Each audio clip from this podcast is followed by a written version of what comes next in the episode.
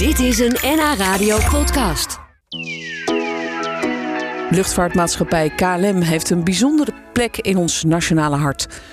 Beetje onze nationale trots, denk ik.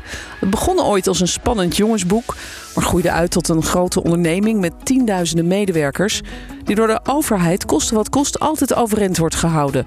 Zoals onlangs nog aan het begin van de coronacrisis. Logisch misschien, gezien de vele medewerkers. Maar ook misschien niet meer van deze tijd. En dat vindt in elk geval journalist Ties Joosten van Follow the Money. Hij schreef een kritisch boek, getiteld De Blauwe Fabel. En dat begint met de geschiedenis van KLM, meer dan 100 jaar geleden. En de man die de luchtvaartmaatschappij groot maakte, Albert Plesman. Wat was dat voor iemand? Leuk dat je dat vraagt. Ik heb lang over hem nagedacht. Veel rondjes gelopen en over hem na zitten denken. Omdat ik me eigenlijk heel erg geprobeerd te verplaatsen in wat was dat nou voor, voor man. En hij zag voor het eerst een vliegtuig opstijgen. En in welke tijd was dat nou, zeg maar. En um, ja, inmiddels ben ik er een beetje uit. Ik denk dat ja, het was, nog, het was een, nog een beetje een rouwdouwer. Uh, en, uh, hij is zeg maar de eerste werknemer van de KLM. Zo, dat, dat Peter Dus hij was niet de oprichter van de KLM. Dat, zo wordt hij vaak geportretteerd. Als een soort visionair en een ziener. Die dacht dat die luchtvaart, dat gaat heel wat worden. Dat is niet helemaal zo. Hij zag gewoon, hij was een beetje meer een, een, simpele, simpele vent. Die op een dag zag hij een vliegtuig. En daar is hij heel erg van uh, verliefd geworden. En hij vond vliegen geweldig. En achter die verliefdheid is hij eigenlijk zijn hele leven blijven aanlopen.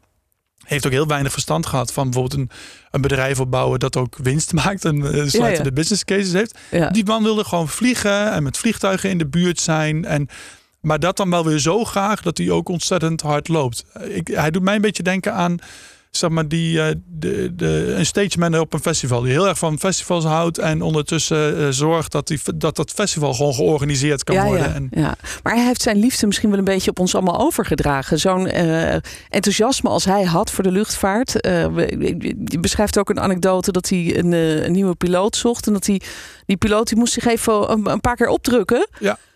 Het was een mannetjesputter, een man in het leger ook. Uh, en uh, ja, dan, dan zei hij, uh, druk jezelf maar op. Dus dat verhaal gaat dan over hem. Hè. Ja. En, dan, en, en, dan moest die man terugkomen zodra hij het wel kon, zeg maar. Dat, dat is, zo, zo, je, ja, zo solliciteerde je bij de KLM onder Plesman. Ja, vliegen was iets voor, toch een beetje voor de elite. Voor, voor, voor stoere, sterke mannen die vliegeniers werden, piloten werden. En voor mensen met heel veel geld die het zich konden veroorloven om in een vliegtuig te stappen. Absoluut, ja. ja. Dat was, dat was in die tijd. Dat is in dit en dat is heel lang zo geweest. En, en eigenlijk zie je dat natuurlijk nog steeds wel terecht. Uh, zie je dat nog steeds vandaag wel. Hè? Want uh, nog steeds wordt 1% uh, van, de, van de wereldbevolking maakt 50% van de vliegreizen. Dat is natuurlijk voor grotendeels de 1% rijkste mensen van deze wereld. Dus hoewel het voor een grotere massa beschikbaar is geworden, is het nog steeds ja. een is het globaal gezien nog steeds een elitair dingetje om heel veel te kunnen vliegen. Ja, maar denk je dat die liefde voor KLM wel in die begintijd al een beetje is ontstaan? Dat, dat, dat mensen dachten, oh, dit is echt bijzonder, omdat het een beetje zo'n jongensboek is geweest. Ja, nee, ja, zeker. Kijk, dit is, een, uh, dit is 1918, dat is het, na de, dat, dan houdt de Eerste Wereldoorlog op. En eerst in 1919 wordt de KLM opgericht. En uh, dat is een periode waarin de, de, gemiddelde Nederlander en de gemiddelde Europeaan ook het ontzettend zwaar heeft gehad. De Spaanse griep, een epidemie. Nou, we kunnen ons daar een beetje verplaatsen. Riga's door het continent. Um, nou, de, de, ook op de, in Nederland heeft de Eerste Wereldoorlog echt een enorme wissel getrokken. We hebben heel veel Belgische vluchtelingen bijvoorbeeld opgevangen. Um, uh, er is ook honger in Nederland. Er zijn, het, het, het, communistisch gevaar, de revolutie hangt in de lucht. En um, ja, in die wereld komen dan de eerste vlieg, komen de vliegshows. En uh, die, de eerste in Nederland die wordt georganiseerd door Plesman, de ELTA. En uh, uh, ja, dat is een verzetje. Dat is, weet je, de voetbalwedstrijden bestonden nog niet. Maar daarmee kun je denk ik een beetje vergelijken van, van de, ja, een, een, populaire voetbalwedstrijd, een WK. Wat een beetje de gedachte afhaalt van de, van de sleur van alle dag. Ja, het bracht hoop en misschien een beetje magie voor veel mensen. Ja, ja, en, en, verwondering. En, en dan ook, weet je, weet je, wat moet het ook zo zien? Weet je, er gebeuren ook heel veel ongelukken. Er zat ook een soort heroïek achter. Dus dan, dan, dan, dan klapte er weer in de lucht. En heel veel piloten in die tijd zijn ook overleden. Dat is een heel zwaar beroep.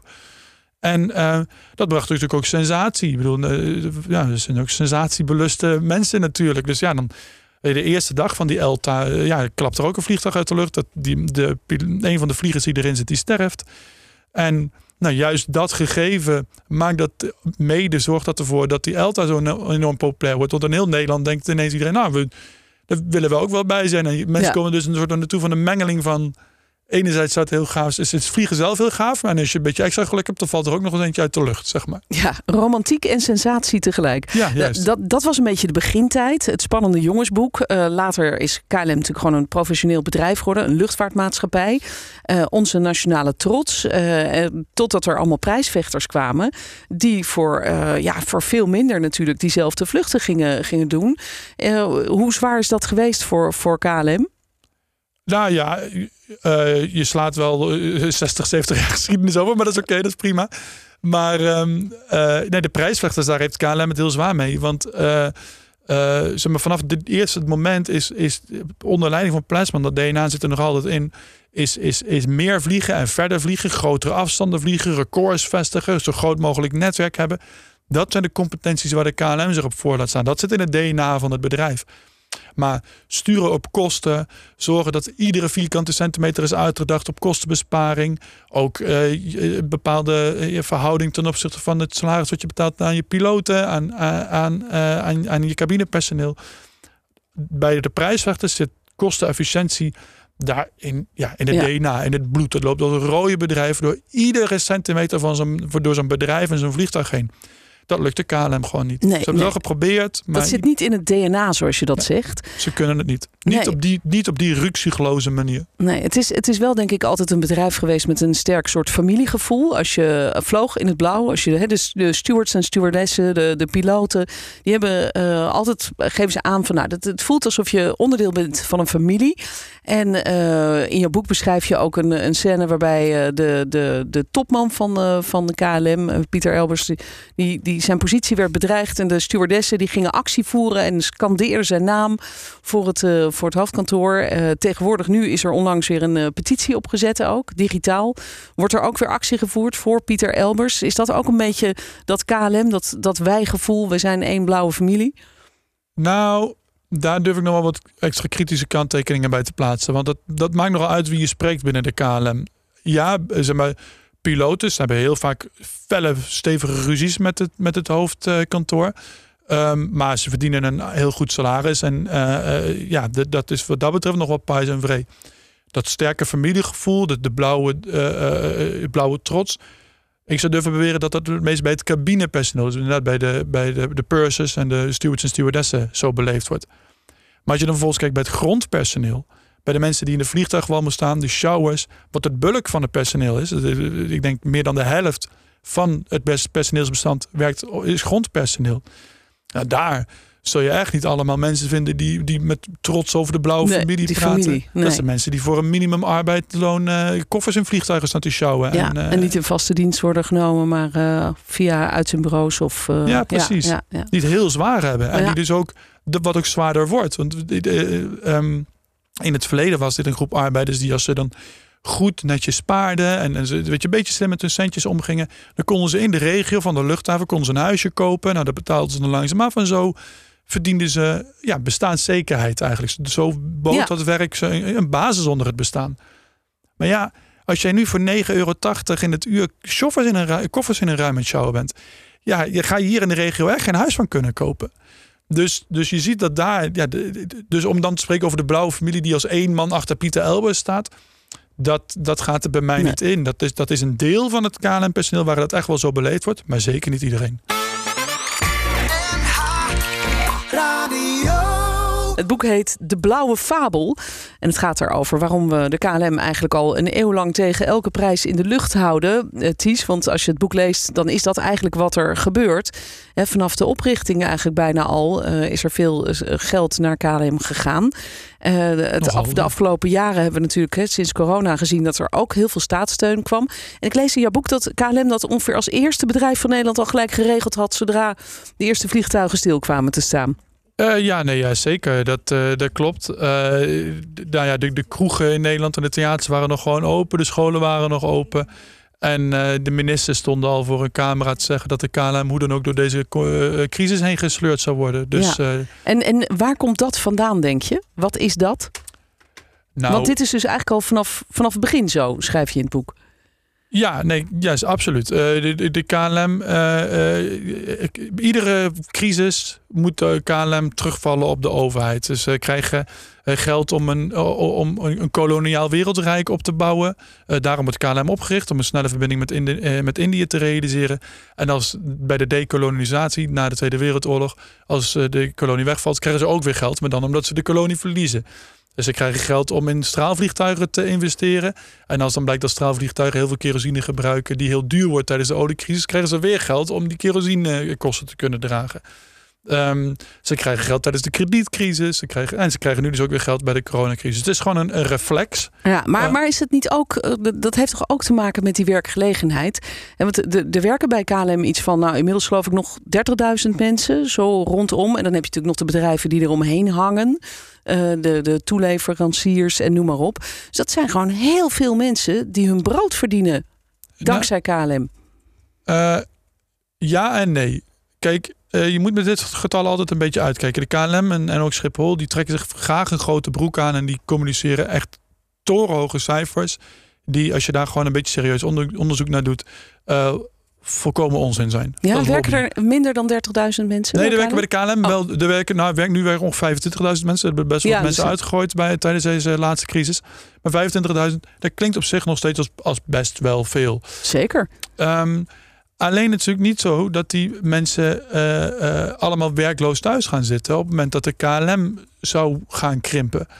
Um, want uh, die mensen die kunnen allemaal dingen waar we in de economie heel veel behoefte aan hebben. We, we zitten midden in een energietransitie. Ja, maar ik, denk, ik kan me wel voorstellen dat als je als overheid aan het begin van een grote crisis staat en dat je dan denkt, ja, als we KLM nu laten vallen, dan heb je sowieso al die 30.000 man die op straat staan. En nog even los daarvan al nog de misschien tienduizenden mensen die daar omheen hangen, die op de een of andere manier dan met hun bedrijfje afhankelijk zijn van uh, eh, KLM.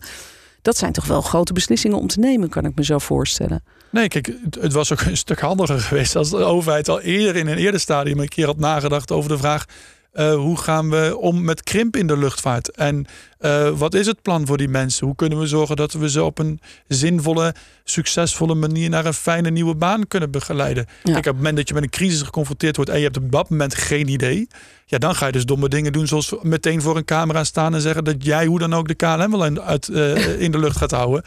Wat ook betekent dat de, uh, de, de, prijskaartje daarvan volledig bij de, overheid kwam te liggen. En dat andere stakeholders, zoals obligatiehouders of aandeelhouders, financiële instellingen, niet hun steentje bijdroegen. Want ja, de overheid pakte de rekening Ja, de minister had al geroepen dat ze sowieso KLM in de lucht zouden houden. Ja, precies. Ja. ja je schrijft in het boek ook over die toekomst. Hè? En je schrijft eigenlijk, nou, uh, uh, het, het enige scenario wat eigenlijk serieus op tafel zou moeten liggen, is krimp. Krimp van sowieso van de luchtvaart. Uh, eh, KLM kleiner, minder vluchten op Schiphol. Um, denk je dat dat reëel is? Je, je, krijgt die geest toch nooit meer terug in de fles? Nou, uh, het is reëel. Het moet reëel worden ook. Uh, want er zijn maar, uh, wat mij betreft, de twee grootste waarheden uh, die in mijn boek zitten. Is één, we zitten in een gigantische klimaatcrisis. Um, de, en de oplossing daarvan is nog lang niet nabij. En uh, uh, er zijn geen technofixes in de luchtvaart die dat binnen afzienbare tijd gaan oplossen. Nee, dus het wordt niet schoner Om, om te gaan vliegen. Dat kan niet. Nee. Uh, dus zeg jij, moet er gewoon minder gevlogen worden. Juist. Moet het dan ook weer gewoon veel duurder worden? Dat alleen de rijken nog de lucht in mogen? Want, want dat is denk ik de enige manier waarop je het kan bereiken, toch? Want nou, niet de enige als het manier. je 25 euro kost om naar Barcelona te vliegen, dan blijven mensen dat doen. Ja, nee, kijk, ik denk dat vliegen moet hoe dan ook veel duurder worden. Dat is duidelijk. Uh, de vraag hoe je dat verdeelt, kun je natuurlijk wel nog uh, door de politiek laten beantwoorden. Er zijn wat uh, voorstellen bijvoorbeeld voor een progressieve vliegbelasting. Dat betekent dat iemand die een één vlucht per jaar maakt, die betaalt dan een relatief kleine vliegbelasting. Maar iemand die er 10, 20, 30, 40 per jaar maakt, ik sprak laatst iemand die maakt 120 vluchten per jaar. Ja, dan gaat die belasting per ticket gewoon enorm omhoog. Ja, ja. En dat, ja. dat noem je een progressieve vliegbelasting. Ja, hoe meer je vliegt, hoe meer je gaat betalen eigenlijk voor de, de, voor de vervuiling die je daarmee veroorzaakt. Ja.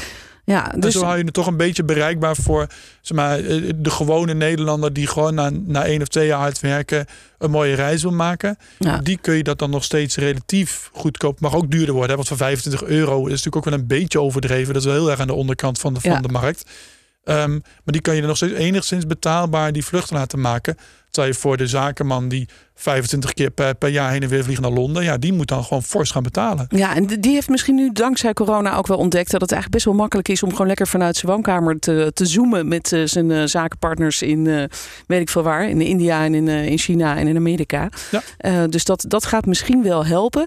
Hey, tot slot, heb jij al een reactie gekregen van KLM? Hebben ze jouw boek al gelezen, denk je? Ik weet eerlijk gezegd niet of ze mijn boek al hebben gelezen. Ja. Um, nou, wij hebben het gevraagd of ze het hebben gelezen. En toen werd tegen onze luchtvaartverslaggever gezegd van nou, uh, we, we, we, we, moeten even kijken wie het boek gelezen, of er iemand al het boek gelezen heeft. Dus nou, het lijkt erop dat het nog een beetje onderop de stapel ligt. Ik hoop dat ze het uh, toch willen oppakken. En uh, ja, vooral ook gaan nadenken over die krimpstrategie. Want er ligt een enorme taak voor ze die, ja, die zij moeten oppakken. Niemand anders kan dat doen. Dit was een NH Radio podcast. Voor meer, ga naar nhradio.nl. NH Radio.